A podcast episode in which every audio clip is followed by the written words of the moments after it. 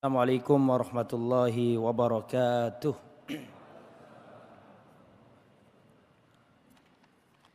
إن الحمد لله نحمده ونستعينه ونستغفره ونعوذ بالله من شرور أنفسنا وسيئات أعمالنا. من يهده الله فلا مذل له ومن يذلل فلا هادي له. وأشهد أن لا إله إلا الله وحده لا شريك له وأشهد أن محمدا عبده ورسوله لا نبي ولا رسول بعده. اللهم صل وسلم وبارك على نبينا وحبيبنا محمد وعلى آله وصحبه ومن سار على نهجه إلى يوم الدين. أما بعد إخوة الإيمان para jamaah, para hadirin yang dirahmati oleh Allah Subhanahu wa taala. Alhamdulillah Allah masih melimpahkan kenikmatannya kepada kita dan setinggi-tinggi nikmat adalah kita diberi nikmat Islam oleh Allah Subhanahu wa taala. Dan tak lupa pula kita ucapkan jazakumullah khairan katsiran kepada pimpinan pengurus Yayasan Masjid Namira dan juga para takmir Masjid Namira. Mudah-mudahan apa yang sudah diupayakan demi makmurnya masjid ini dicatat oleh Allah sebagai pemberat timbangan amal kebaikan di akhirat kelak. Para jamaah yang dirahmati oleh Allah Subhanahu wa taala. Kita lanjutkan kajian kita, kajian Sirah Nabawiyah dan pada pertemuan yang lalu sudah kita jelaskan peristiwa yang besar yang menjadikan atau peristiwa besar yang mengubah peta dakwah Rasulullah sallallahu alaihi wasallam. Peristiwa besar kemarin yang sudah kita jelaskan adalah Fathu Makkah, pembebasan kota Makkah.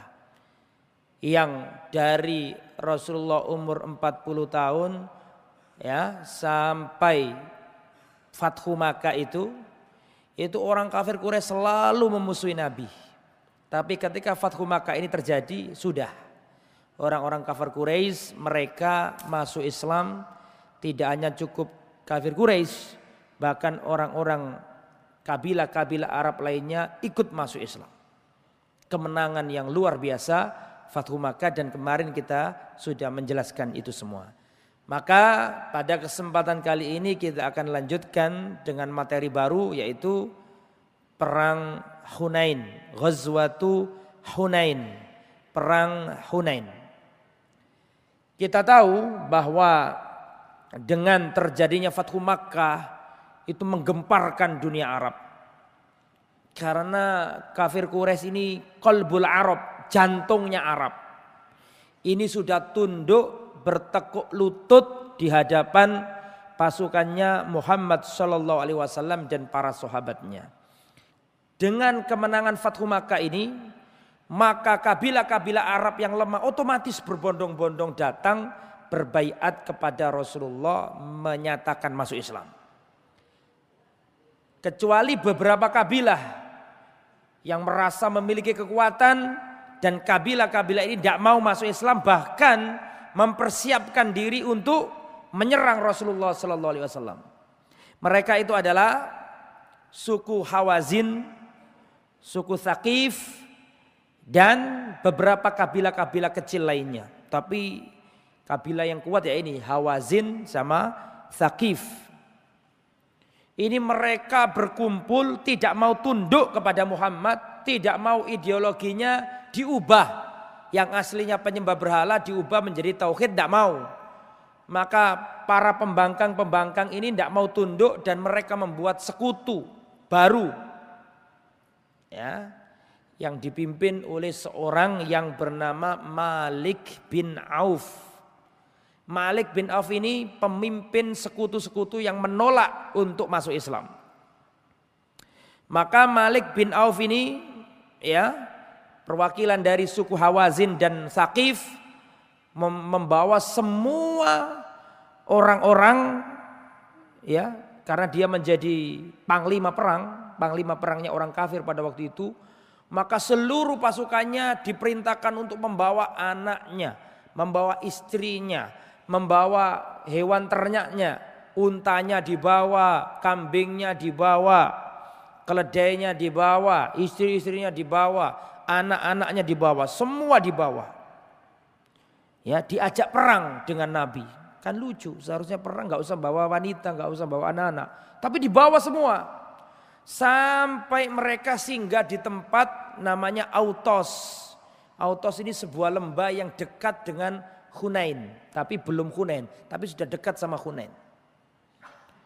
Mereka menyiapkan pasukan besar untuk menghantam Rasulullah Sallallahu Alaihi Wasallam dan para sahabatnya. Berangkat nih, orang banyak, ribuan manusia, ya mereka membawa istrinya, anaknya, hewan ternaknya dibawa semuanya. Lah, di antara, di antara pasukannya orang kafir itu ada seorang tua namanya Duraid ibn Simmah. Duraid bin Simmah ini orang tua banyak pengalamannya. Menasehati panglimanya. Namanya siapa tadi panglimanya? Malik bin Auf didatangi. Wahai Malik, wahai Malik, kamu ini bagaimana? Kok saya mendengarkan suara kambing, saya mendengarkan ringkikan keledai, saya mendengar suara-suara unta, saya mendengar tangisan bocah-bocah kecil, saya mendengarkan wanita-wanita, suara wanita. Kamu ini mau perang apa mau apa? Dengarkan nasihat saya. Kalau kau ingin perang, maka kembalikan wanita-wanita ini, kembalikan anak-anak kecil ini ke tempat kita. Ngapain kita ajak mereka ke medan perang?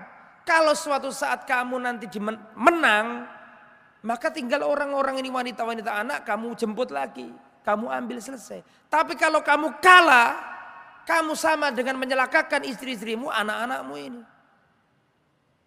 Tetapi Malik bin Auf ini nggak mau nurut dan mengatakan kamu sudah tua, kamu nggak nggak berak mengikut campur urusannya orang-orang muda, nggak dianggap berjalan dan semua kaumnya taat sama Malik bin Auf, tidak ada yang balik. Orang tua ini nggak digubris, kaumnya mengikuti Arahan siapa tadi? Panglimanya, perintahnya, titahnya. Semua harus ikut perang. Semua dibawa, di, diboyong, diajak ke lembah itu untuk perang dengan Rasulullah Sallallahu Alaihi Wasallam dan para sahabatnya. Maka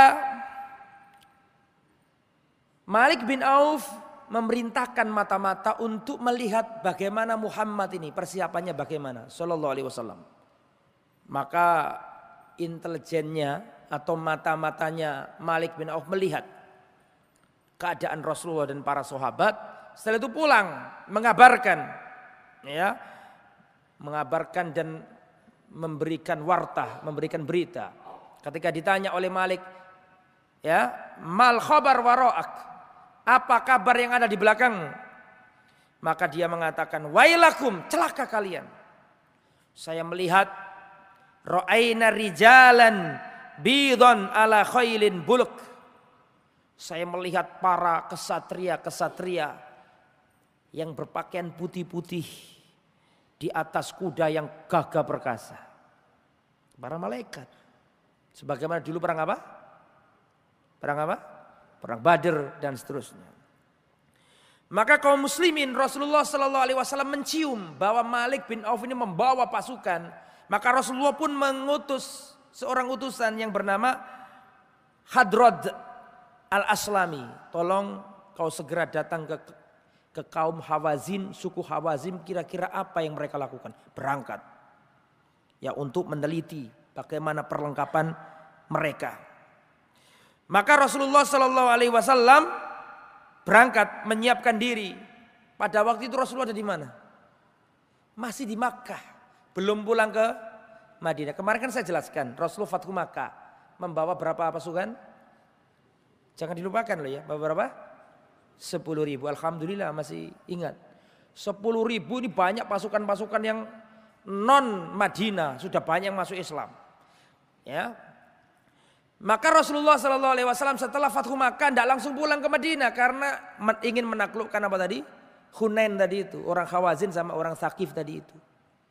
Maka Rasulullah Shallallahu Alaihi Wasallam pada hari Sabtu tanggal 6 Syawal tahun 8 Hijriah berangkat. Rasulullah Shallallahu Alaihi Wasallam membawa 12 ribu tentara. 12 ribu tentara ini seribu adalah adalah pasukan Fathu Makkah yang kapan lalu berangkat dari Madinah menuju mana? Makkah. Masih ingat kan? 10 ribu. Adapun yang 2 ribu adalah pasukannya Kafir Quraisy yang sudah masuk Islam. Berarti sekarang di dalam cerita kita sudah nggak ada kafir Quraisy. Ganti Muslim Quraisy. Masuk Islam semua. Abu Sofyan masuk Islam, Sofan bin Umayyah masuk Islam. Ya, Ikrimah bin Abi Jahal sudah masuk Islam. Sudah banyak, sudah masuk Islam semua.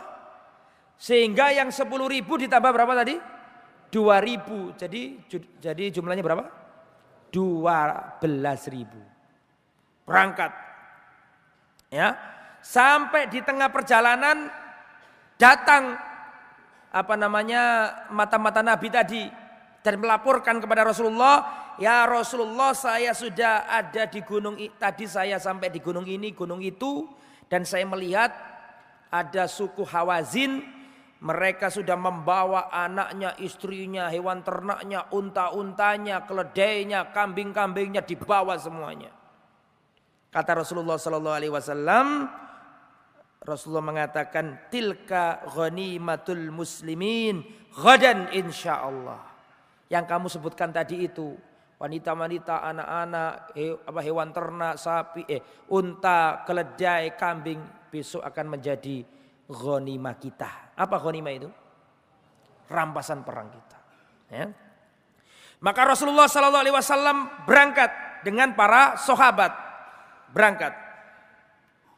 Berangkat menuju tempat Hunen tadi itu. Tempat perang nanti itu. Di tengah perjalanan ini orang-orang yang ikut pasukannya Nabi ini tidak hanya muhajirin dan ansor. Kalau muhajirin dan ansor kan orang inti. Yang sejak perang Badar sampai terakhir Fatu Makkah setiap bersama Nabi. Ini 12 ribu ini banyak orang-orang yang baru masuk Islam. Tidak hanya 2000 orang kafir Quraisy saja. Yang 10 ribu yang kemarin saya jelaskan itu juga banyak yang baru masuk Islam. Jadi 12 ribu ini banyak mu'alaf. Ikut perang. Waktu di tengah perjalanan melihat orang kafir punya pohon besar. Pernah dengar kisah ini enggak? Belum pernah dengar? Masih ingat? Ingat itu kalau dulu pernah tahu. Kalau belum pernah tahu bukan ingat namanya. Ketika Rasulullah SAW bersama 12 ribu tentara berjalan, tiba-tiba melewati pohon besar. Pohon besar ini miliknya orang kafir. Namanya Datu Anwat, dijuluki Datu Anwat. Tempat orang kafir menggantungkan senjata-senjata mereka dan mereka yakni membawa sembelian-sembelian mereka digunakan sesajen ke tempat itu. Dipersembahkan kepada pohon besar itu nyembelih apa? hewan kurban. Kemudian mereka juga beriktikaf di pohon itu. Pohon ini disembah, digunakan untuk menggantungkan senjata-senjata kalau perang supaya menang, senjatanya jadi ampuh. Ketika orang-orang yang baru masuk Islam melewati pohon besar ini dan melihat ritual-ritual itu, maka sahabat-sahabat Nabi yang baru masuk Islam ini mengatakan, Ya Rasulullah ij'al lana anwatin kamalahum anwat. Ya Rasulullah tolong Buatkan untuk kami pohon besar Zatu Anwat. Sebagaimana orang kafir juga punya Zatu Anwat. Masih keyakinan lamanya masih apa? Masih muncul. Makanya kesyirikan itu jadi punya candu. Makanya orang kalau tobat dari kesyirikan harus meninggalkan komunitas lamanya. Ya, harus tinggalkan, gak ngono, pengen balik lagi. Makanya ketika perang tadi itu melihat tuh Orang kafir kok duit pohon gede seperti itu. Minta ke Nabi ya Rasulullah tolong buatkan seperti mereka. Supaya pedang-pedang kita ini jadi sakti. Baru masuk Islam. Maka Rasulullah marah dan mengatakan Allahu Akbar. Kultum walladhi nafsu Muhammadin biadi kama qala qaumu Musa. Allahu Akbar. Kalian telah berkata seperti dahulu Bani Israel berkata kepada Nabi Musa. Bani Israel dulu pernah berkata kepada Nabi Musa, Ija'alana ilahan kamalahum aliha. Wahai Musa, tolong buatkan kami sesembahan seperti orang-orang kafir itu punya kes, punya sesembahan. Kalian ini mengulangi orang-orang Bani Israel dulu bersama Musa. Kemudian Rasulullah mengatakan innakum qaumun tajhalun. Sesungguhnya kalian ini kaum kau sesungguhnya kalian ini kaum yang masih bodoh, belum mengerti. Inna sunan. Ini adalah sunan, langkah-langkah, jalan-jalan, tradisi. Latar kabun sunan namangkana qablakum. Kalian akan mengikuti langkah-langkah orang-orang sebelum kalian. Yaitu Bani Israel. Makanya sekarang ya seperti omongannya Nabi ini. Orang kafir membuat ulang tahun, kita ikut ulang tahun. Orang kafir merayakan tahun baru, kita pun ikut merayakan tahun baru. Ya, orang kafir merayakan Valentine, kita pun ikut merayakan Valentine. Orang kafir merayakan April Mop, kita pun ikut merayakan April Mop. Jangan. Dilarang sama Nabi. Gak boleh ngikuti orang-orang kafir. Gak boleh orang mengikuti Bani Israel. Ya, Akhirnya dilarang sama Nabi tidak boleh. Lah apa bedanya kamu masuk Islam sama gak masuk Islam kalau masih melakukan itu? Dilarang sama Nabi. Itu padahal di zamannya Nabi. Nabi masih hidup. Bagaimana dengan kita yang jauh dari zamannya Nabi. Makanya tidak heran kalau ada orang yang uh, salah jalannya dalam berakidah. Ya karena sudah mengikuti langkah-langkah orang sebelum kalian. Ya. Waqad kana ba'dum qala nadrul ila kasratil jaish. Saking banyaknya kaum muslimin, jumlahnya berapa tadi? 12 ribu. Tidak pernah, perhatikan. Tidak pernah Rasulullah dan para sahabat perang ketika Rasulullah masih hidup. Yang jumlah pasukannya melebihi Hunain. Ini paling gede semenjak Rasulullah hidup. Dan sampai Rasulullah wafat ini paling gede. Pasukannya Nabi yang paling gede. Berapa tadi jumlahnya? 12 ribu. Saking banyaknya jumlahnya pasukan Islam. Sampai-sampai orang-orang ini mengatakan. Mulai hari ini kita nggak mungkin kalah. Karena jumlah kita banyak. nggak akan kalah kita ini. Dan Rasulullah terganjal atau Rasulullah ada yang mengganjal dalam hatinya gara-gara sebagian orang-orang yang baru masuk Islam itu ngomong seperti itu. Tidak enak di hatinya Nabi. Karena mereka berbangga dengan jumlah jumlah. Mereka berbangga dengan jumlah. Padahal Islam tegak tidak sekedar dengan jumlah. Wong perang Badr saja 300 melawan 1000, menang yang 300 kok. Perang Ahzab pasukan kafir Quraisy dan sekutu 10 ribu, kaum muslimin kecil yang 10 ribu kalah kok. Makanya kita men, kita ini dimenangkan Allah atau dikalahkan Allah bukan karena jumlah. Makanya ini ada kita gak akan kalah setelah Fathu Makkah ini. Karena orang sudah berbondong-bondong masuk Islam. 12 ribu pada masa itu. Ya. Dan nanti lihat apa yang terjadi dengan jumlah yang banyak itu. Kira-kira bagaimana dalam perang nanti. Nanti akan saya ceritakan. Maka berangkatlah Rasulullah Shallallahu Alaihi Wasallam. Rasulullah tiba di Hunain. Rasulullah tiba di Hunain pada tanggal 10 Syawal. Maka pada waktu itu Malik bin Auf sudah mendahului kaum muslimin. Malik bin Auf sudah tiba di Hunain duluan. Maka Malik bin Auf sudah menyebarkan prajuritnya. Ada yang di atas bukit membawa panah. Ada yang menyiapkan apa namanya jebakan-jebakan, ranjau-ranjau kalau sekarang. Sudah disiapkan semuanya. Nah kaum muslimin datangnya telat. Maksudnya telat dalam artian lebih kedahuluan siapa? Pasukannya Hawazin. Dan sudah disiapkan semuanya sama Hawazin ada pasukan pemanah, ada yang di balik bukit, ada yang sembunyi di balik uh, bebatuan, ada jebakan-jebakan sudah disiapkan semua. Sama pasukannya Malik bin Auf. Maka pada subuh, subuh masih gelap, pasukannya Rasulullah datang mencapai lembah Hunain. Maka masuklah pasukannya Muhammad SAW, maka masuk jebakannya siapa tadi? Malik bin Auf, maka pasukannya kaum muslim masuk dipanai dari atas. Kocar kacir, lari semuanya kaum muslimin. Karena apa? Ya karena bangga dengan jumlah tadi itu. Kocar kacir. Rasulullah dibiarkan sendiri. Yang ada bersama Nabi cuma orang muhajirin dan ansor. Dari 12 ribu manusia. Tuh, Islam tidak akan dimenangkan karena jumlah. Ya, Islam menang bukan karena jumlah. Jangan minder dengan jumlah yang sedikit. Karena Allah mengatakan wa qalilun min ibadiyas syakur. Hanya sedikit di antara hamba-hambaku yang bersyukur. Berarti wong api luwe titik. Ya. Jadi ukuran kebenaran bukan banyaknya orang. Ya. Rasulullah Shallallahu Alaihi Wasallam mengatakan, ya Rasulullah Shallallahu Alaihi Wasallam bersabda, pada al Islamu ghoriban wasayaudu ghoriban. Islam datang dalam keadaan asing dan Islam pada akhir zaman akan kembali asing. Beruntunglah orang-orang yang asing. Ditanya oleh Rasulullah ditanya, siapa orang asing yang beruntung pada akhir zaman? Kata Nabi, unasun solihun fi unasin suin fi unasin suin kathirin. Itu orang baik, orang soleh yang sedikit jumlahnya di tengah-tengah orang yang rusak yang banyak. Itu menunjukkan ukuran kebenaran bukan diukur dari apa? Banyaknya orang. Gak mesti nih uang pengikut akal itu pasti benar, gak mesti. Makanya Rasulullah ketika sahabat mengatakan kita nggak akan kalah, jumlah kita banyak. Waktu masuk medan perang lari semuanya. Semuanya 12 ribu. Yang ada hanyalah, saya bacakan riwayatnya.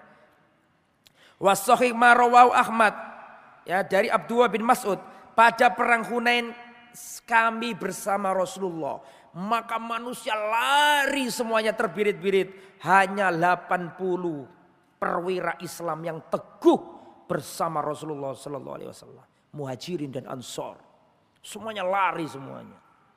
Karena bangga dengan jumlah. Wah kebenaran tidak diukur dari jumlah. Gara-gara bangga itu Allah kalahkan.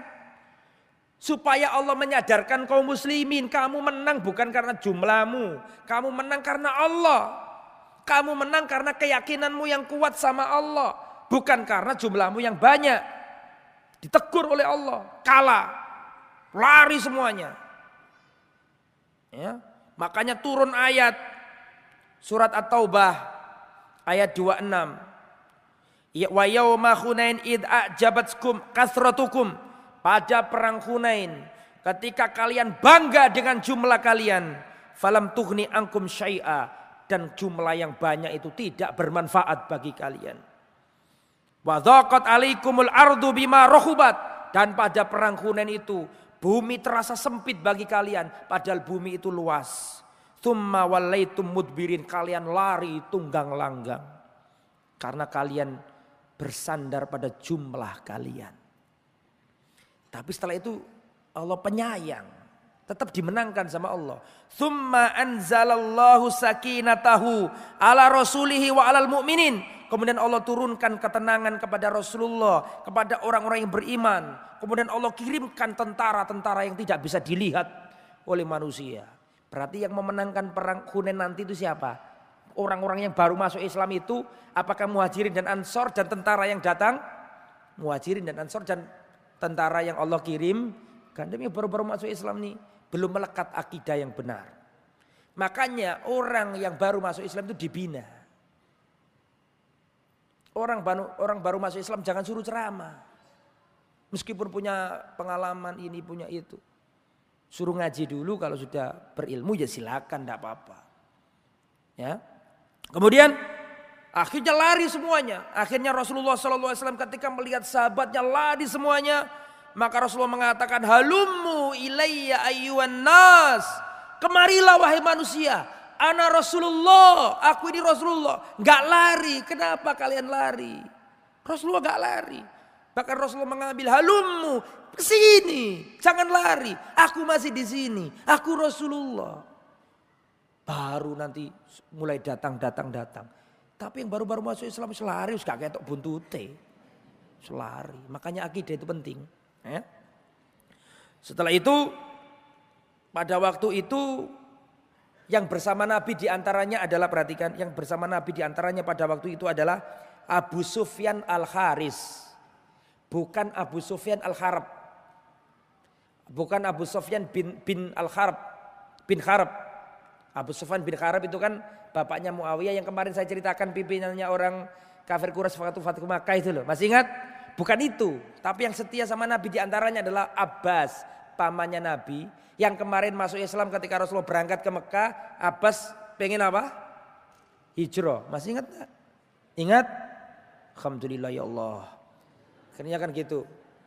Di antara yang masuk Islam ketika Rasulullah berangkat Fathu Makkah, Rasulullah berangkat mau menaklukkan kota Makkah, ada yang masuk Islam di tengah perjalanan. Namanya Abul namanya Abu Sufyan bin Haris. Masih ingat nama itu? Abu Sufyan bin Haris itu sepupunya Nabi. Yang kemarin dulu saya ceritakan ke antum itu loh, ke panjenengan semuanya datang ke Nabi, Nabi melengos. Datang ke Nabi, Nabi tidak mau. Masih ingat kisah itu? Karena dulu waktu karena dulu waktu masih di mana? waktu di Makkah, sepupunya Nabi ini suka mengganggu Nabi, melukai Nabi. Sekarang masuk Islam. Maka Rasulullah kurang menghiraukan. Akhirnya dikasih tahu Ali, kamu harus minta maaf sama Nabi. Datang di tepat di wajahnya. Ucapkan omongannya Nabi siapa? Yusuf. Masih ingat kan? Sesungguhnya Allah telah memuliakan, melebihkan kamu dari aku dan aku termasuk orang bersalah. Dan Rasulullah itu kalau sudah diomongi pakai Al-Quran gak berani. Enggak, maksudnya enggak, enggak mungkin tidak dimaafkan. Akhirnya Rasulullah berkata dengan ucapannya Nabi Yusuf. Semoga Allah memaafkan kalian. Akhirnya ini dimaafkan masuk Islam. Setelah masuk Islam ini, ya Abu Sufyan al Abu Sufyan bin Al Kharis ini setia sama Nabi. Bahkan di akhir hayat di akhir hayatnya itu ditangisi sama keluarganya. Kemarin saya ceritakan ini. Di akhir hayatnya ditangisi Abu siapa Abu Sufyan eh, bin Kharis ini ditangisi. Maka dia mengatakan jangan menangisiku. Demi Allah sesudah aku masuk Islam aku tidak berbuat dosa. Dan dalam perang Hunain ini nggak lari. Bahkan nemani Nabi sepupunya untuk menebus kesalahan-kesalahannya dulu. Setia sama pamannya siapa tadi namanya? Abbas. Jadi uh, Abu Sufyan bin Al Kharis ini memegang tali tali bigolnya Nabi. Nabi punya bigol namanya apa? Masih ingat sampai ya? Dul dul. Masih ingat ceritanya dul dul? Saya nggak mau ngulangi lagi. Ya. Di kakaknya dibawa sama sama siapa? Abu Sufyan Kharis. Kemudian juga di situ juga ada Abbas. Abbas menahan. Ya, intinya sama-sama membela Nabi. Kemudian Rasulullah turun dan Rasulullah berdoa Allahumma anzil nasroka. Ya Allah turunkan pertolonganmu. Langsung turun tadi itu. Kemudian Rasulullah berkata kepada pamannya, siapa namanya tadi? Abbas. Abbas ini suaranya lantang. Kalau ngomong itu keras begitu loh. Maka diperintahkan Nabi, wahai paman, tolong berteriaklah, sampaikan ke orang-orang ini. Aina ashabus samura, mana sahabat-sahabat Nabi yang dulu pernah membaiat Nabi di pohon. Masih ingat? Ketika peristiwa apa itu? Sulhul Hudaybiyah. Masih ingat kan? Yakin tak sama ini masih ingat? Ya, ya ingat ya. Yang waktu Usman ditahan orang kafir Quraisy itu loh. Terus Rasulullah membaiat para sahabat di bawah pohon. Jumlahnya berapa dulu itu? Seribu lebih ya, seribu empat ratus atau berapa gitu. Maka akhirnya pamannya Nabi Abbas bersuara lantang. Aina ashabus samura. Mana orang-orang yang dulu berbaikat sama Rasulullah di pohon itu. Mendengar suaranya Abbas langsung dulu sahabat-sahabat yang ikut membaiat langsung berjalan semuanya menuju Rasulullah Sallallahu Alaihi Wasallam seperti seekor sapi yang sedang uh, memberi suara kepada anak-anaknya kemudian anaknya langsung menuju ke ke, ke induknya lari semua menuju Rasulullah akhirnya orang-orang inti sudah bersama Nabi dan Rasulullah berdoa ya Allah berikan kemenangan. Kemudian orang-orang Ansor menyeru, ya maksarul Ansor, wahai orang-orang Ansor. Akhirnya orang Ansor kumpul semuanya. Ini orang inti. Orang-orang yang inti berjuang semenjak perang apa? Perang Badar. Ataupun yang lain banyak yang lari tunggang langgang. Kemudian terjadi pertempuran. Ya, kemudian seperti yang saya katakan tadi, turunlah pertolongan Allah. Tentara-tentara dari langit datang, maka Allah Subhanahu wa taala sebagaimana yang Allah maktubkan, Allah Sebagaimana yang Allah firmankan dalam surat At-Taubah ayat berapa tadi? 26. At-Taubah ayat 26 bercerita tentang perang Hunain. 25 26 At-Taubah ya. Akhirnya menang. Ya memang sebenarnya dari jumlah nggak sepadan. Lebih banyak siapa? Lebih banyak pasukannya kaum muslimin 12 ribu loh. Akhirnya mereka lari orang Hawazin, orang Sakif. Lari semuanya. Ada yang lari ke To'if. Ada yang lari ke Nakhla. Ada yang lari ke Autos. Tiga tempat mereka kocar kacir gak karu-karuan. Ada yang bawa sapi, bawa anak, bawa anak kecil. Macam-macam. Lari-lari semuanya. Maka dikejar sama Rasulullah Sallallahu Alaihi Wasallam. Rasulullah merintahkan kepada pasukan Islam sebagian untuk menyusul ke Taif, sebagian ke Nahla, sebagian ke Autos. Ya, dikejar terus. Maka mereka lari tunggang langgang meninggalkan dan berhasil ditumpas semuanya. Ya kecuali ada yang belum belum bisa ditumpas. Ya. Yaitu yang ada di Taif itu yang sulit. Yang sulit itu diapakan? Ditumpas. Ahli Taif ya. Akhirnya mereka meninggalkan barang-barang mereka, kekayaan mereka. Mereka meninggalkan anak-anak wanita sejak sebanyak 6000, sita alaf kepala, 6000 kepala, 6000 tawanan. Jadi 6 ribu orang ditawan, nggak kebayang. Ini segini banyaknya nggak nggak ada 6 ribu. Itu 6 ribu ditawan semua. Wal ibil arba wa isruna alaf alfan dan unta yang ditinggalkan adalah 24 ribu unta. Bukan 100 unta loh, 24 ribu. 24 ribu unta. Wal ghanam aktar min arba'ina alaf syat. Adapun domba banyaknya 40 ribu. Wa arba'ata alaf ukiyah dan 4 ribu ukiyah perak uang. Dan Rasulullah menyuruh untuk mengumpulkan terus dikumpulkan di tempat namanya Ji'rona. Di tempat namanya apa tadi? al-Ji'rona. Kemudian Rasulullah Shallallahu Alaihi Wasallam ya memerintah Mas'ud bin Amr untuk menjaganya. Sedangkan Rasulullah Shallallahu Alaihi Wasallam masih menyusul pasukan orang kafir yang lari-lari dikejar sama Nabi. Masih dikejar. Akhirnya Rasulullah SAW mengejar mereka sampai ke Taif yang mereka yang apa namanya yang uh, belum masuk yang apa yang yang belum tunduk tadi itu Dikejar Rasulullah sampai ke Taif. Dan mereka, ya ini Malik bin Auf ikut mereka ini. Atau mereka dipimpin oleh Malik bin Auf ini. Mereka masuk ke benteng-benteng mereka. Lama sulit ditaklukkan ini. Ya. Wasaro ilaihim Rasulullah ba'da faruhi min Hunain. Maka Rasulullah berangkat ke mereka yaitu ke Taif setelah membereskan Hunain. Hunain sudah selesai. Sudah mereka lari tunggang langgang apa, meninggalkan banyak harta rampasan perang tadi itu. Terus Rasulullah ngejar dengan para sahabat menuju Taif, yaitu Malik bin siapa tadi? Auf. Rasulullah memerintahkan Khalid bin Walid untuk membawa seribu orang. Nah, dipimpin Khalid bin Walid. Kemudian Rasulullah membagi tugas dengan para panglima-panglima yang lain. Dan Rasulullah mengepung bentengnya orang-orang Taif ini sampai 40 hari. Lama satu bulan penuh. Ya, eh kok satu bulan penuh? Satu bulan apa? Lebih 40 hari. Ya. Kemudian Rasulullah Sallallahu Alaihi Wasallam memerintahkan para sahabat membuat kem militer, membuat kema-kema tentara begitu. Ternyata ditembaki dari atas benteng sehingga kena sahabat 12 orang. Tewas, gugur 12 orang. Maka Rasulullah Shallallahu Alaihi Wasallam segera memerintahkan kepada para sahabat itu pindah kemah, jangan di sini. Nah, kalau sini nanti kita ditembaki terus, pindah. Maka Rasulullah Shallallahu Alaihi Wasallam memerintahkan agar dihadirkan manjanik, ngerti manjanik? Manjanik itu apa bahasa Indonesia-nya? Manjanik itu zaman dulu peralatan perang, jadi ketepel tahu ketepel setip lah wong lamongan Tapi duduk setip, setip lah cili. Ini setip gede tapi. Itu manjanik namanya. Jadi batu besar itu ditaruh di alat itu terus dilemparkan gitu loh. Tahu maksud saya ya? Ya kayak setip tapi bukan setip. Gede, batu besar itu loh.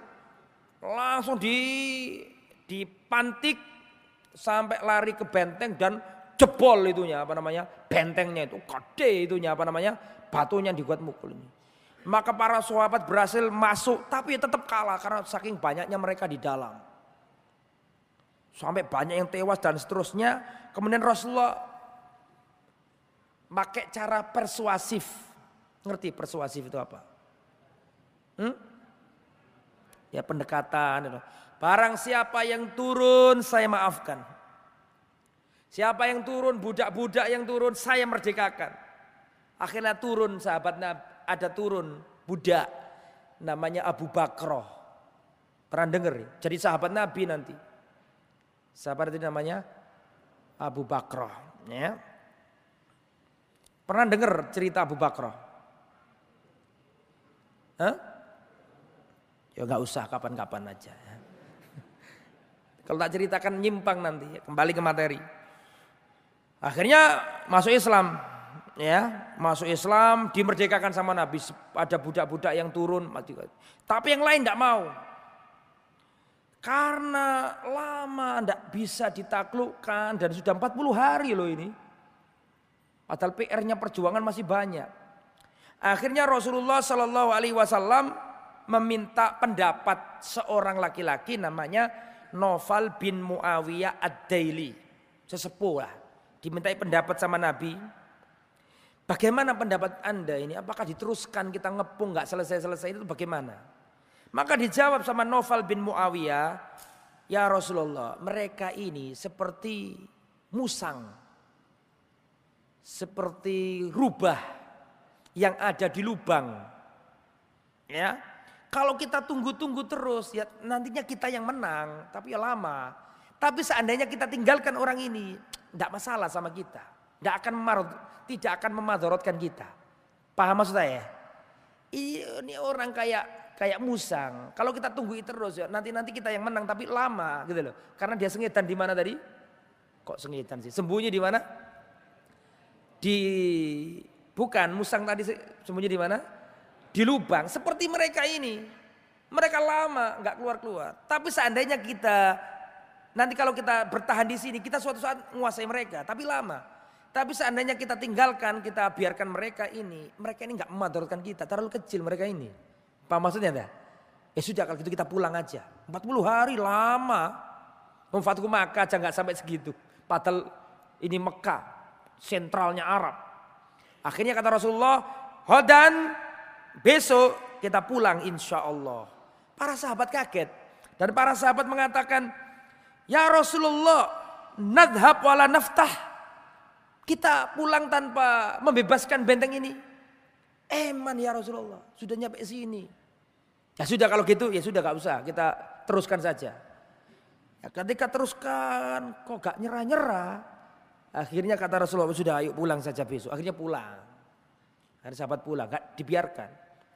Waktu perjalanan pulang, ya Rasulullah Shallallahu Alaihi Wasallam dan para sahabat berkata, ayibun, taibun, abidun, lirobbina hamidun. Kita pulang, kita bertobat, kita beribadah dan kita memuji Allah Subhanahu Wa Taala. Kemudian ada orang ya Rasulullah ini kan belum ditaklukkan tolong doakan kejelekan agar mereka ini ditumpas. Maka Rasulullah tidak. Justru aku mendoakan kebaikan kepada mereka. Allahumma hdi thaqifan wa'ti bihim. Ya Allah, berikan hidayah kepada thaqif dan jadikan mereka itu datang kepadaku nanti. Wa'ti bihim. Jadikan mereka itu datang kepadaku. Dan terbukti nanti mereka sendiri yang datang ke Nabi masuk Islam. Tahu Taif tadi kan? Taif ini yang dulu masih ingat. Setahun yang lalu atau kapan ya saya ceritakan di sini Rasulullah waktu berdakwah di luar kota Makkah datang ke Taif terus Rasulullah dilempari batu sandal tahu kan? Masih ingat gak itu? Ya itu Taif ini. Dari dulu sampai sekarang masih bandel itu. Tapi Rasulullah mengatakan saya berharap ya dari keturunan mereka ini lahir orang-orang yang menyembah Allah dan terbukti nanti di zamannya ketika Rasulullah wafat Abu Bakar jadi khalifah itu banyak orang-orang murtad tapi Taif tidak mau murtad. Bagaimana kita ini murtad? Wong masuk Islamnya lo belakangan. Akhirnya nggak mau masuk akhirnya nggak mau murtad. Itu nanti di zamannya siapa? Abu Bakar. Sekarang masih di zamannya Rasulullah dulu. Dan dan nanti nggak mau nggak mau murtad Taif Ya, karena kena doanya Nabi, saya berharap di antara mereka ini ada orang yang menyembah Allah Subhanahu wa taala. Taib. Akhirnya selesai, sudah pulang Rasulullah dan Rasul berdoa ya Allah berikan hidayah kepada mereka dan jadikan mereka ini nanti datang ke aku. Maksudnya masuk Islam itu. Maka Rasulullah kembali ke Jirona. Ke mana ke Jirona itu? Ke tempat pengumpulan apa? Harta rampasan tadi itu ke Jirona. Belum dibagikan karena masih sibuk perang, tapi sudah dikumpulkan yang yang bertugas siapa tadi namanya? Yang bertugas untuk uh, menunggui tadi siapa?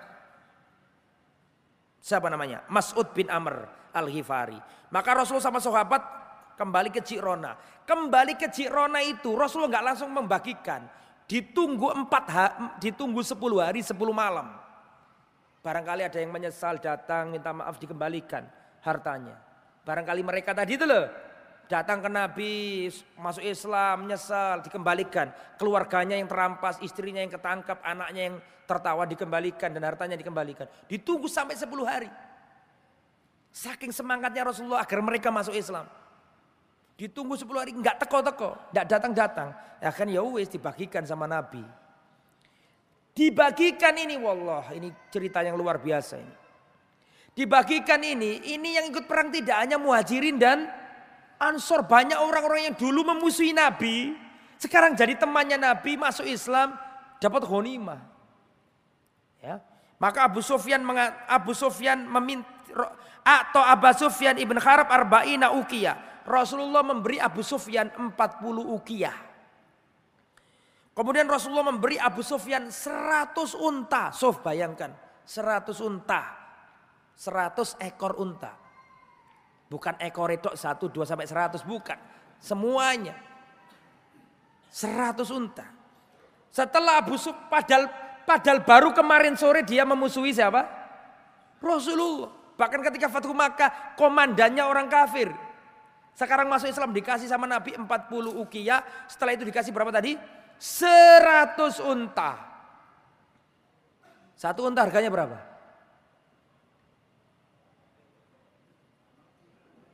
Kalau nggak tahu jangan pura-pura mikir lihat ke atas. Mikir ke atas gini tuh kalau ngerti, kalau nggak ngerti ya sudah nggak usah gitu. Intinya banyak lah ya. 100 berapa tadi? 100 unta. Setelah itu Abu Sufyan mengatakan, Ibni Yazid, ya Rasulullah anakku Yazid. Dikasih Nabi lagi 100 unta. Anaknya Abu Sufyan. Namanya siapa tadi? Yazid. Dikasih 100 unta. Setelah itu uh, Abu Sufyan berkata lagi, Ibni Muawiyah ya Rasulullah anakku satunya Muawiyah. Kasih lagi 100 unta. Berapa berarti totalnya? 300 plus 40 ukiah. Kemudian datang Hakim bin Khizam. Hakim bin Khizam. Ya Rasulullah minta dikasih 100 unta. Ini orangnya baru masuk Islam ini. Yang baru kemarin memusuhi Nabi. Tapi Hakim bin Khizam termasuk orang yang baik. Hakim bin Hizam ini yang dulu nyuplai makanan ketika Khadijah di boykot. Masih ingat? Di boykot dulu di sebuah lembah orang-orang yang masuk Islam di boykot. Masih ingat kisah itu? Terus ada orang-orang baik yang nyuplai makanan. Di antara Hakim bin Hizam ini. Tapi kafir. Sudah masuk Islam ikut perang Hunain. Dikasih sama Nabi 100 unta. Tumma sa'alahu mi'ata ukhra. Terus minta lagi 100 unta lagi. Dikasih sama Nabi. Berarti berapa? 200 unta. Masih banyak wong. 24 ribu unta. Masih banyak. Satu orang dikasih 100, minta lagi dikasih 200. Antum bayangkan, antum dikasih 100 unta. Kita romana juga. Ya, banyaknya. Kemudian wa'ato Sufan bin Umayyah. Mi'ata ibil. Sofan bin Umayyah dikasih Nabi 100 unta. Thumma mi'a Summa mi'a. Kemudian minta 100 lagi dikasih. Minta 100 lagi dikasih 300. Antum masih ingat nggak Sofan bin Umayyah ini siapa? Sofan bin Umayyah ini ketika kemarin dulu ketika selesai perang ketika selesai perang Badar, Sofan bin Umayyah ini berkata kepada orang, "Mau enggak kamu membunuh Muhammad?" Ya, kalau kamu menang, kamu saya akan kayakan, kalau kamu kalah keluargamu saya tanggung. Ternyata yang diutus ini datang ke Madinah ingin membunuh Nabi, ternyata gak mau Nabi masuk Islam. Ditunggu sama Sofan bin Umayyah gak datang-datang. Artinya Sofan bin Umayyah ini orang kaya, orang kaya. Dikasih sama Nabi 100, dikasih lagi 100, dikasih lagi 100. Totalnya berapa? 300. Gak kebayang banyaknya. Ini gak pernah dalam sejarah Rasulullah masih hidup, mimpin pasukan ada harta rampasan segede ini gak pernah. Luar biasa ini. Setelah itu, atau Al-Kharis bin Al-Kharir bin Kaladam mi'at minal ibil. Rasulullah ngasih Al-Kharis ibn Al-Kharis ibn Kalada 100 unta. Ini orang-orang mu'alaf yang baru-baru masuk Islam itu. Orang-orang Quraisy itu. Wa kadzalika atau rijalan min ru'asai Quraisy. Para pembesar-pembesar Quraisy dikasih 100, 100, 100, 100. Setelah itu baru 50, 50, 40, dikasih semuanya itu. Berapa orang tadi Quraisy tadi itu? Yang ikut perang tadi loh. Dua dikasih semua sama Nabi. Di saat seperti itu, ya itu pun ah, sudah dikasih masih merebut Nabi. Sampai selendangnya Nabi ini jatuh. Karena ditarik-tarik, saya minta lagi Muhammad, minta lagi ya Rasulullah, minta lagi ya Rasulullah. Sampai Rasulullah SAW mengatakan, wahai manusia, kembalikan selendangku. Demi Allah, seandainya aku memiliki ya unta-unta dan hewan-hewan ini sebanyak pepohonan di Gunung Tihama, niscaya aku bagikan ke, ke, kepada kalian semuanya agar kalian tahu bahwa aku bukan orang yang kikir. Kasihkan semuanya. Oh tambah seneng orang yang mu'alaf. Ini gak masuk Islam kan bien-bien. Namanya mu'alaf kan mu'alaf yang hatinya diapakan? Dilembutkan supaya masuk Islam, dikasih zakat, untuk menguatkan keislamannya begitu. Di saat seperti itu setelah diambil semuanya, Baru dibagikan ke tentara Islam yang inti. Gak banyak, jangan dikira banyak. Ya, setiap laki-laki dikasih empat unta. Yang tadi berapa? Seratus, seratus, seratus. Ini empat unta cumaan. Ya, adapun yang penunggang kuda dikasih dua belas unta dan dua puluh eh dikasih dua belas unta dan dikasih 100 kambing. Ya, adapun yang pejalan kaki dikasih 4 unta dan 40 kambing. Enggak sepadan. Lah, waktu orang-orang Quraisy dikasih Nabi 100, 100, 100, 100. Orang Ansor lihat semua. Siapa orang Ansor itu? Orang asli penduduk Madinah yang membela Nabi suka dan duka. Yang memberi tempat Nabi, yang memberi apa sebagian hartanya untuk orang-orang muhajirin yang hijrah. Ya nggak usah saya ceritakan lagi dulu ketika orang muhajirin hijrah, orang ansor ada yang kaya raya. Kamu minta apa? Saya harta saya banyak. Saya paruh jadi dua, separuh milikku, separuh separuh milik aku kasihkan ke kamu, separuh milikku. Aku punya dua istri yang cantik. Pilih salah satu yang menurutmu cantik yang cocok di hatimu akan saya ceraikan. Kalau sudah selesai masa idahnya, kawini mantan istriku. Masih ingat kisah itu? Ceritanya Abdurrahman bin Auf. Saking cintanya orang Ansor. Ini gak dapat apa-apa. Dikasihkan orang Quraisy seratus, seratus, seratus, seratus. Melungu orang Ansor ini. Sampai-sampai orang Ansor berkata satu sama lain. ya Mereka berkata, Lakiya wallahi Rasulullah qawmahu. Rasulullah sudah bertemu dengan kaumnya. Rasulullah sudah bertemu dengan sanak kerabatnya orang Quraisy. Seakan-akan orang Ansor ini mengatakan bahwa Rasulullah melupakannya. Rasulullah nggak ingat sama kita. Ini para sahabat Ansor masih bersimbah darah loh ini. Masih terluka, pedang masih di tangan. Melihat orang Quraisy dibagikan seperti itu. Sedangkan orang Ansor nggak dapat seperti itu. Maka sedih orang Ansor. Seakan-akan ada perasaan sedikit kecewa dengan Rasulullah SAW. Nelongsolah, ah, gampangannya kalau sekarang. Kita sing bela nikat bien-bien tidak dapat seperti itu. Ini orang baru masuk Islam. Yang kemarin dulu memusuhi kita. Dapat segini banyaknya. Sampai terjadi kasak kusuk di tengah-tengah sahabat Ansor. Akhirnya sahabat Ansor diwakili Sa'ad bin Ubadah. Sa'ad bin Ubadah ini ketua suku Khazraj. Maka Sa'ad bin Ubadah datang ke Rasulullah. Ya Rasulullah inna hadal hayy minal ansar. Qad wajadu alaika fi anfusim lamma sonata fi hadal fai. Ya Rasulullah sesungguhnya orang-orang ansor ini menjumpai pada diri anda sesuatu. Nelongso mereka ini. Mereka mengatakan bahwa engkau sudah bertemu dengan kaummu sehingga mereka terlupakan. Mereka nggak mendapatkan seperti yang didapatkan. Mereka sedih ya Rasulullah. Maka Rasulullah Sallallahu Alaihi Wasallam berkata, Fa'aina anta min ya saat. Kalau posisimu sendiri, bagaimana wahai saat? Saya hanyalah satu di antara kaumku ya Rasulullah. Saya hanyalah satu orang di antara kaumku. Saya hanya menyampaikan aspirasi kaumku. Maka Rasulullah mengatakan kalau begitu fajma li qaumaka fi hadil hadir. Kalau begitu kumpulkan semua kaummu Ansor di tempat ini bertemu sama aku. Maka dikumpulkan semua orang-orang Ansor disuruh kumpul sama siapa tadi? Sa'ad bin Ubadah. Ubadah dikumpulkan semuanya.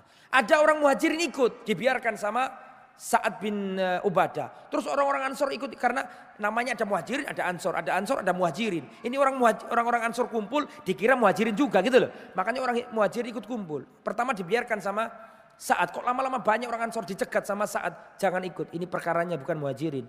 Ini perkaranya apa? Ansor. Akhirnya Ansor kumpul semuanya. Setelah kumpul maka Sa'ad bin Ubadah datang ke Rasulullah. Ya Rasulullah, kaumku sudah berkumpul. Monggo silakan. Akhirnya Rasulullah berpidato. Ya maksarul ansor. Wahai orang-orang ansor. Sesudah Rasulullah memuji Allah. Beliau menyeru kepada orang-orang ansor yang kumpul semua. Wahai orang-orang ansor. Apa suara-suara yang aku dengar dari kalian. Kabar-kabar miring yang aku dengar dari kalian. Sebuah perasaan yang tidak enak yang ada dalam hati kalian tentang aku. Ya, Kenapa harus seperti ini wahai orang Ansor? Bukankah dulu kalian orang-orang yang tersesat? Kemudian aku datang dan Allah memberi hidayah kepada kalian. Bukankah kalian dulu orang-orang yang miskin kemudian Allah dengan kedatanganku Allah mengayak mengkayakan kalian? Bukankah kalian dulu orang saling perang satu sama lain antara Aus dan Khazal berperang bunuh-bunuhan? Kemudian aku datang Allah mendamaikan kalian. Bukankah begitu? Orang Ansor mengatakan bala ya Rasulullah. Enggih ya Rasulullah. Tertunduk semuanya sahabat Ansor. Iya ya Rasulullah. Engkau lebih mulia. Karuniamu lebih mulia daripada selainnya. Aku, kami lebih memilih engkau daripada harta kekayaan itu. Kemudian Rasulullah mengatakan, Ala tujibuni ya ma'asarul ansor. Tidakkah engkau menjawab omonganku wahai orang-orang ansor? Tidakkah engkau membantahnya? Bantahlah aku, sekiranya kalian membantah aku, kalian benar dan kalian dibenarkan. Ya Rasulullah, bagaimana kalian bagaimana kami membantah Anda? Padahal yang Anda omongkan itu memang benar kenyataannya. Anda lebih mulia daripada hewan-hewan ternak itu. Dan Rasulullah mengulangi lagi, jawablah wahai Ansor. Demi Allah, jika kalian menjawab omonganku tadi, kalian benar dan dibenarkan. Jawablah, Ya Rasulullah bagaimana kami menjawabnya? Maka Rasulullah menjawab, jawablah. Wahai Muhammad, dulu kamu orang yang terusir, gelandangan. Kemudian kami orang-orang ansor menolong menolong dirimu. Katakan orang ansor, jawablah omonganku tadi. Wahai Muhammad, kamu dulu orang terusir. Kemudian kami orang ansor menolongmu. Wahai Muhammad, dulu kamu orang yang didustakan. Kemudian kami orang ansor beriman kepadamu. Wahai Muhammad, Sungguhnya dulu kamu adalah orang yang tidak mempunyai apa-apa. Kemudian orang ansor menampungmu. Demi Allah wahai orang ansor. Sekiranya kalian menjawab seperti itu. Wallahi kalian benar dan dibenarkan. Dan kalian tidak salah. Jawablah. Tidak apa-apa. Kemudian Rasulullah SAW mengatakan. Wahai orang-orang ansor. Kenapa engkau tidak ridho? Manusia-manusia pulang membawa unta, membawa kambing. Sedangkan kalian pulang ke Madinah membawa Rasulullah Sallallahu Alaihi Wasallam. Wahai orang-orang Ansor, tidakkah engkau ridho? Aku wakilkan keislamannya orang-orang itu dengan unta, dengan hewan ternak. Sedangkan aku yakin dengan keislaman kalian tidak usah dengan unta dan hewan kambing. Kenapa ini harus terjadi? Maka sahabat-sahabat Ansor sedih mendengar omongannya Nabi. Kemudian Rasulullah mengatakan, Wallahi wahai orang-orang Ansor, kalaulah bukan karena hijrah, aku lebih memilih untuk menjadi orang Ansor. Demi Allah wahai orang Ansor, sekiranya seluruh manusia berjalan di tepi gunung, kemudian orang-orang Ansor memilih jalan yang lain, aku akan berjalan bersama orang-orang Ansor. Allahumma arhamil amsar. Ya Allah rahmatilah orang ansar. Anaknya orang ansar. Dan anak keturunannya orang ansar. Maka semua sahabat ansar menangis semuanya. Bala ya Rob, bala ya Rasulullah, bala ya Rodina, Rodina kami ridho ya Rasulullah kami ridho. Menangis semua sahabat Ansor. Itulah sahabat Ansor. Oh, kalau kita ini seandainya bahas khusus tentang Ansor nggak selesai satu pertemuan. Makanya ditulis dalam Al-Quran surat At-Taubah ayat yang ke-100. Wasabiqun al-awwalun minal muhajirina wal ansar walladzina taba'uhum bi ihsan radhiyallahu anhum wa Dan orang-orang yang terdahulu yang pertama kali masuk Islam dari kalangan muhajirin dan ansar dan orang yang mengikuti mereka dengan baik radhiyallahu anhum Allah ridho kepada mereka. Ansar muhajirin disetempel ridho dari Allah subhanahu wa ta'ala dan dijamin masuk surga. Ini Bagaimana pengorbanannya orang. Akhirnya mereka mengatakan Rodina ya Rasulullah. Rodina kami ridho ya Rasulullah kami ridho. Gak dapat apa-apa. Melihat orang Quraisy dapat apa tadi? Seratus unta, seratus unta, seratus unta. Ketika dijelaskan sama sama Rasulullah maka orang Ansor mengatakan kami ridho. Cukuplah Rasulullah berpulang kepada cukuplah Rasulullah pulang ke Madinah bersama kami. Kami nggak membutuhkan unta-unta lagi. Makanya orang Madinah itu baik-baik. Karena didoakan oleh Rasul, ya Allah sayangilah orang Ansor, anak-anaknya Ansor, anak cucunya Ansor. Eh? Kemudian selesai perang. Maka setelah dibagikan semuanya ghanimah selesai habis, habis semuanya baru datang delegasi orang Khawazin yang dari tadi nggak mau masuk Islam itu datang ke Nabi ada utusan jumlahnya 14 orang. 14 ini diketuai Zuhair bin Surat.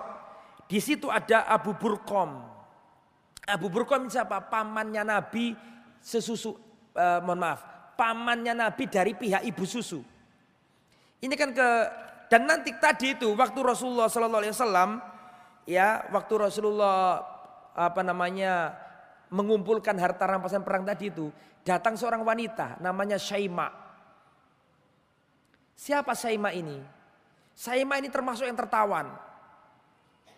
Terus Syaima ini datang ke Nabi ya Rasulullah aku ini dulurmu. Kita sama-sama pernah disusui oleh Khalimah As-Sa'diyah. Masih ingat yang dulu Rasulullah main-main sama anak kecil didatangi malaikat itu loh. Ingat enggak? Didatangi malaikat terus Rasulullah di, diambil apanya? Kok gak nyambung begini?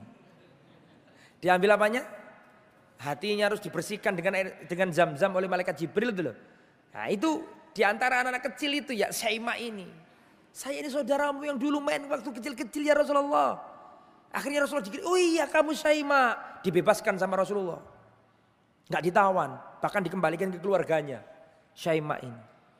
Ya, karena masih saudaranya Rasul Rasulullah Shallallahu Alaihi Wasallam. Lah termasuk yang datang ini adalah uh, siapa tadi pamannya Nabi dari pihak ibu susuan. Akhirnya Rasulullah Shallallahu Alaihi Wasallam berkata, bagaimana ini? Ya sudah saya bagikan semua harta-harta kalian. Wes begini aja. Mana yang lebih kalian cintai? Harta-harta atau anak istri, ibu dan tawanan kalian dikembalikan? Ya Rasulullah, kami tidak pernah membandingkan nasab dengan harta. Yang kami inginkan adalah nasab kami. Artinya istri kami, anak kami, saudari-saudari kami. Paham maksudnya ya? Akhirnya Rasulullah Shallallahu Alaihi Wasallam berkata, wis begini saja, besok gini saja, nanti setelah sholat duhur kamu datang dan kamu berkata kepada manusia, sesungguhnya aku meminta syafaat kepada Rasulullah. Syafaat itu artinya apa? Perantara. Sungguhnya saya meminta perantara kepada Rasulullah untuk kaum muslimin untuk membebaskan tawanan tawanan kami dan kami minta syafaat dari orang mukminin kepada Rasulullah untuk membebaskan tawanan tawanan kami. Maka Rasulullah Shallallahu Alaihi Wasallam mengatakan, adapun apa yang, adapun saya dan seluruh keluarga Bani Abdul Muthalib, apa yang kami tawan, apa yang kami dapatkan dari rampasan perang kami kembalikan semuanya. Nabi dan sanak kerabat Nabi dari klan Abdul Muthalib dikembalikan semuanya. Kemudian setelah melihat Rasulullah mengembalikan muhajirin dan ansor yang dapatnya nggak seberapa, Pak maksudnya yang tadi itu baru Baru terjadi masalah tadi itu, muhajirin dan ansor ketika melihat Rasulullah mengembalikan, maka langsung otomatis muhajirin dan ansor, adapun kami muhajirin dan kami ansor, kami kembalikan semua. Langsung gak dapat apa-apa. Taruhannya nyawa padahal. Nah tapi orang-orang kafir jahiliyah ini yang baru-baru masuk Islam ini, dibalik no tagak ya enak ya gitu. Ragu-ragu. Akhirnya Akro bin Khabis Ya dia dari Bani Tamim dia mengatakan adapun saya dan rombongan saya kami nggak mau mengembalikan. Nggak mau mengembalikan. Terus datang lagi, lagi Uyainah bin Hisan adapun saya dan Bani Fuza tidak mau mengembalikan. Terus ada dari Bani Sulaim namanya Abbas bin Mirdas mewakili Bani Sulaim. Ya, dia berkata, adapun saya dan Bani Sulaim tidak mau mengembalikan. Maka orang Banu Sulaim gak terima. Eh ngaku-ngaku ini. Akhirnya Banu Sulaim berdiri semua dan mengatakan, adapun kami dari Bani Sulaim, kami akan serahkan semua kembalikan. Kami mengikuti Rasulullah dan Muhajirin dan Ansor. Maka Abbas bin Mirdas mengatakan, kalian telah melemahkan aku. Apa maksudnya? Karena dia itu berusaha mewakili, padahal yang diwakili tidak mau.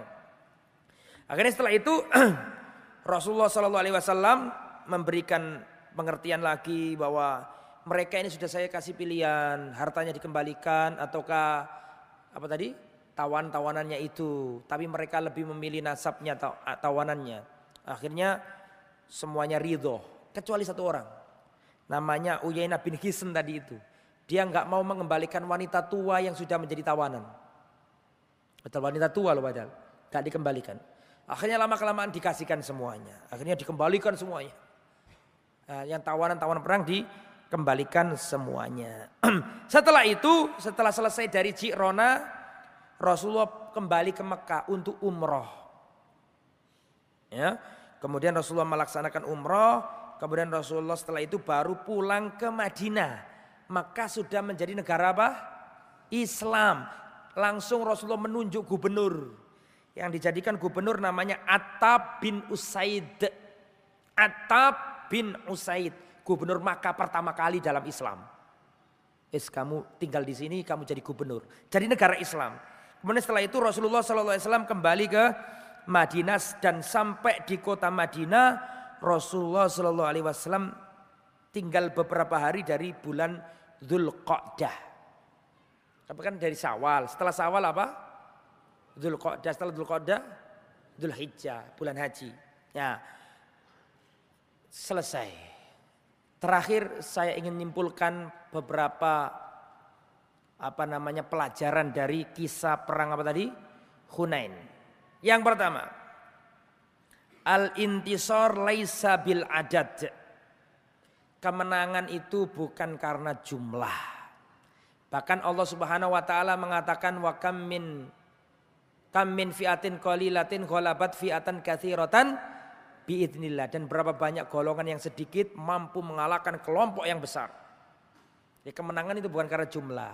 Dan Rasul dan perhatikan Allah dan Rasulnya lebih banyak di dalam Al-Quran memuji yang sedikit. Tidak memuji yang banyak. Ya, jangan diri kalau kalau banyak pasti benar enggak. Bahkan Allah dan Rasulnya banyak memuji yang sedikit. Contoh, Rasulullah mengatakan Sataftariku ummati ala thalathin wa sab'ina millah. Umatku akan terpecah menjadi 73 golongan. kulluhum finnar semuanya masuk neraka kecuali satu. Ditanya siapa satu yang selamat yang nggak masuk neraka itu ya Rasulullah? Dijawab sama Nabi. Rasulullah memberi sifat nggak memberi nama. Karena kalau dikasih nama royoan jeneng kok. Kan gitu, dikasih sifat saja. Siapa golongan yang selamat itu? Yang selamat adalah ma'ana alaihi wa ashabi orang yang menjalankan Islam sebagaimana Islamku dan Islamnya para sahabatku. Berarti orang yang berpegang dengan orang yang berpegang teguh dengan ajaranku dan ajaran para sahabat itu ciri golongan yang selamat. Ya. Satu, yang dipuji yang satu. Bukan yang banyak. Dan Allah mengatakan wa qalilun min ibadiyas syakur, hanya sedikit di antara hambaku yang bersyukur. Berarti yang sedikit ini yang dipuji apa yang banyak? yang sedikit. Maka kata para ulama kalau kalian melihat orang banyak mengikuti jalan kesesatan jangan tertipu. Dan jangan merasa sedih ketika engkau mengikuti jalan kebenaran meskipun kamu cuma satu orang. Di hari kiamat nanti itu ada seorang nabi, Rasulullah pernah ditampakkan umat-umat. Rasulullah pernah ditampakkan, diberi wahyu ada seorang nabi nanti pada hari kiamat yang datang dengan membawa sepuluh pengikut saja. Ada seorang nabi yang datang dengan dua pengikut saja.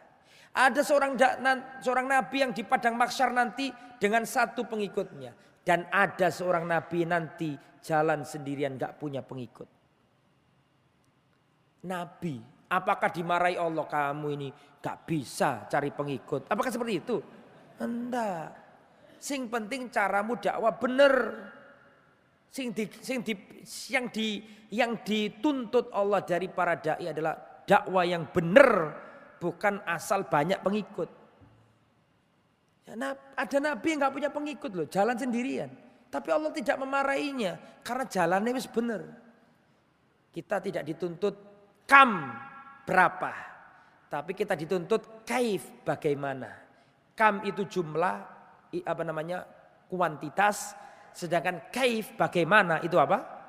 Kualitas. Kita dituntut kualitas. Syukur-syukur ya kualitas ya kuantitas. Dan itu umatnya Nabi. Ya banyak ya berkualitas.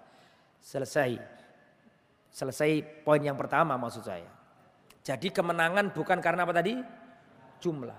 Yang kedua, min asbabil bidah wasyirik atas bil kufar Penyebab terjadinya kebid'ahan dan kemusyrikan adalah meniru gayanya orang kafir. Setuju enggak? Ini diambil dari mana? Diambil tadi waktu perang melihat apa? Pohon besar. Makanya salah satu penyebab terjadinya kerusakan adalah meniru gayanya orang kafir. Makanya kita jangan meniru gayanya orang kafir. Tuh nomor dua. Nomor tiga. Hikmatu da'i ilallah hikmahnya Rasulullah ketika nggak memungkinkan menghancurkan pasukan musuh Rasulullah pulang dan mendoakan kebaikan, nggak mau mendoakan apa? Kejelekan. Hikmahnya seorang dai. Bahkan Rasulullah pernah dilempari tombak berdarah loh. Dalam perang Uhud Rasulullah pernah kepingan baju besi itu nempel di pipi beliau. Ya, itu saja Nabi mengatakan Allahumma firli qaumi fa innahum la ya'lamun. Ya Allah, maafkan, ampuni kaumku, sungguhnya mereka belum mengerti. Padahal dilukai. Ya, didoakan kebaikan. Sama-sama berdoa, pengen dikabulkan, doakan yang baik. Terus nomor empat, ahlu, al ahlu afdol minal mal. Nikmat keluarga itu lebih besar daripada nikmat harta. Makanya orang Hawazin ketika dia masuk Islam datang ke Nabi, wis gini sudah terlanjur ini 12 ribu manusia. Sudah dibagikan semua. Terus kamu baru datang dan saya sudah nunggu berapa tadi? 10 hari gak datang-datang. Gini aja kamu pilih mana? Tawanan perang apa? Dikembalikan hartamu. Ya Rasulullah kami tidak pernah membandingkan antara nasab keluarga dengan apa? Kekayaan. Itu menunjukkan harta berupa keluarga itu lebih baik daripada berupa materi. Makanya kalau punya anak itu diopeni, wayang ngaji dilihat, Jangan kerja, kerja, kerja, kerja, moro-moro enek wis gede. Lu banyak lo seperti itu. Kerja, kerja, kerja, kerja. Lu anakku kok kelas 6. Apalagi orang Jakarta. Orang Jakarta itu berangkat kerja itu sebelum subuh loh. Tak kasih tahu sampai ini. Kalau gak gitu macet. Berangkat gak weruh eh mulai-mulai anak wis turu. Terus bendino nomor-nomor anak wis gede. Jangan, nikmat harta lebih baik dari nikmat eh mohon maaf, nikmat keluarga lebih baik dari nikmat harta. Makanya perhatikan keluargamu. Ya, perhatikan keluarga kita. Ya, makanya harus perhatian sama keluarga. Kita itu kerja itu wallah terlalu berlebihan. Ya. Orang burung saja itu berangkat ketika pagi dalam keadaan apa? Lapar pulang-pulang sore, sore loh ya katanya. Itu sudah dalam keadaan apa? Kenyang. Apakah kita kalah dengan burung? Kan begitu ya. Jadi ya kita jangan diatur oleh jadwal hidup kita, tapi kita yang mengatur jadwal kita. Ya, kita nggak sempat silaturahim sama orang tua misalnya, sempat nggak sempat tergantung kita. Kita masalahnya diatur oleh jadwal hidup kita. Kita yang mengatur jadwal kita, bukan kita diatur oleh jadwal kita. Intinya mekatan yang sakit kawula sampaikan, mudah-mudahan bermanfaat, mudah-mudahan dari perang Hunain tadi kita bisa mengambil hikmah dan pelajaran. Subhanakallahumma bihamdika asyhadu an la ilaha illa anta astaghfiruka wa atubu ilaik. Wassallallahu Muhammad وعلى آله وصحبه أجمعين وآخر دعوانا أن الحمد لله رب العالمين. والسلام عليكم ورحمة الله وبركاته.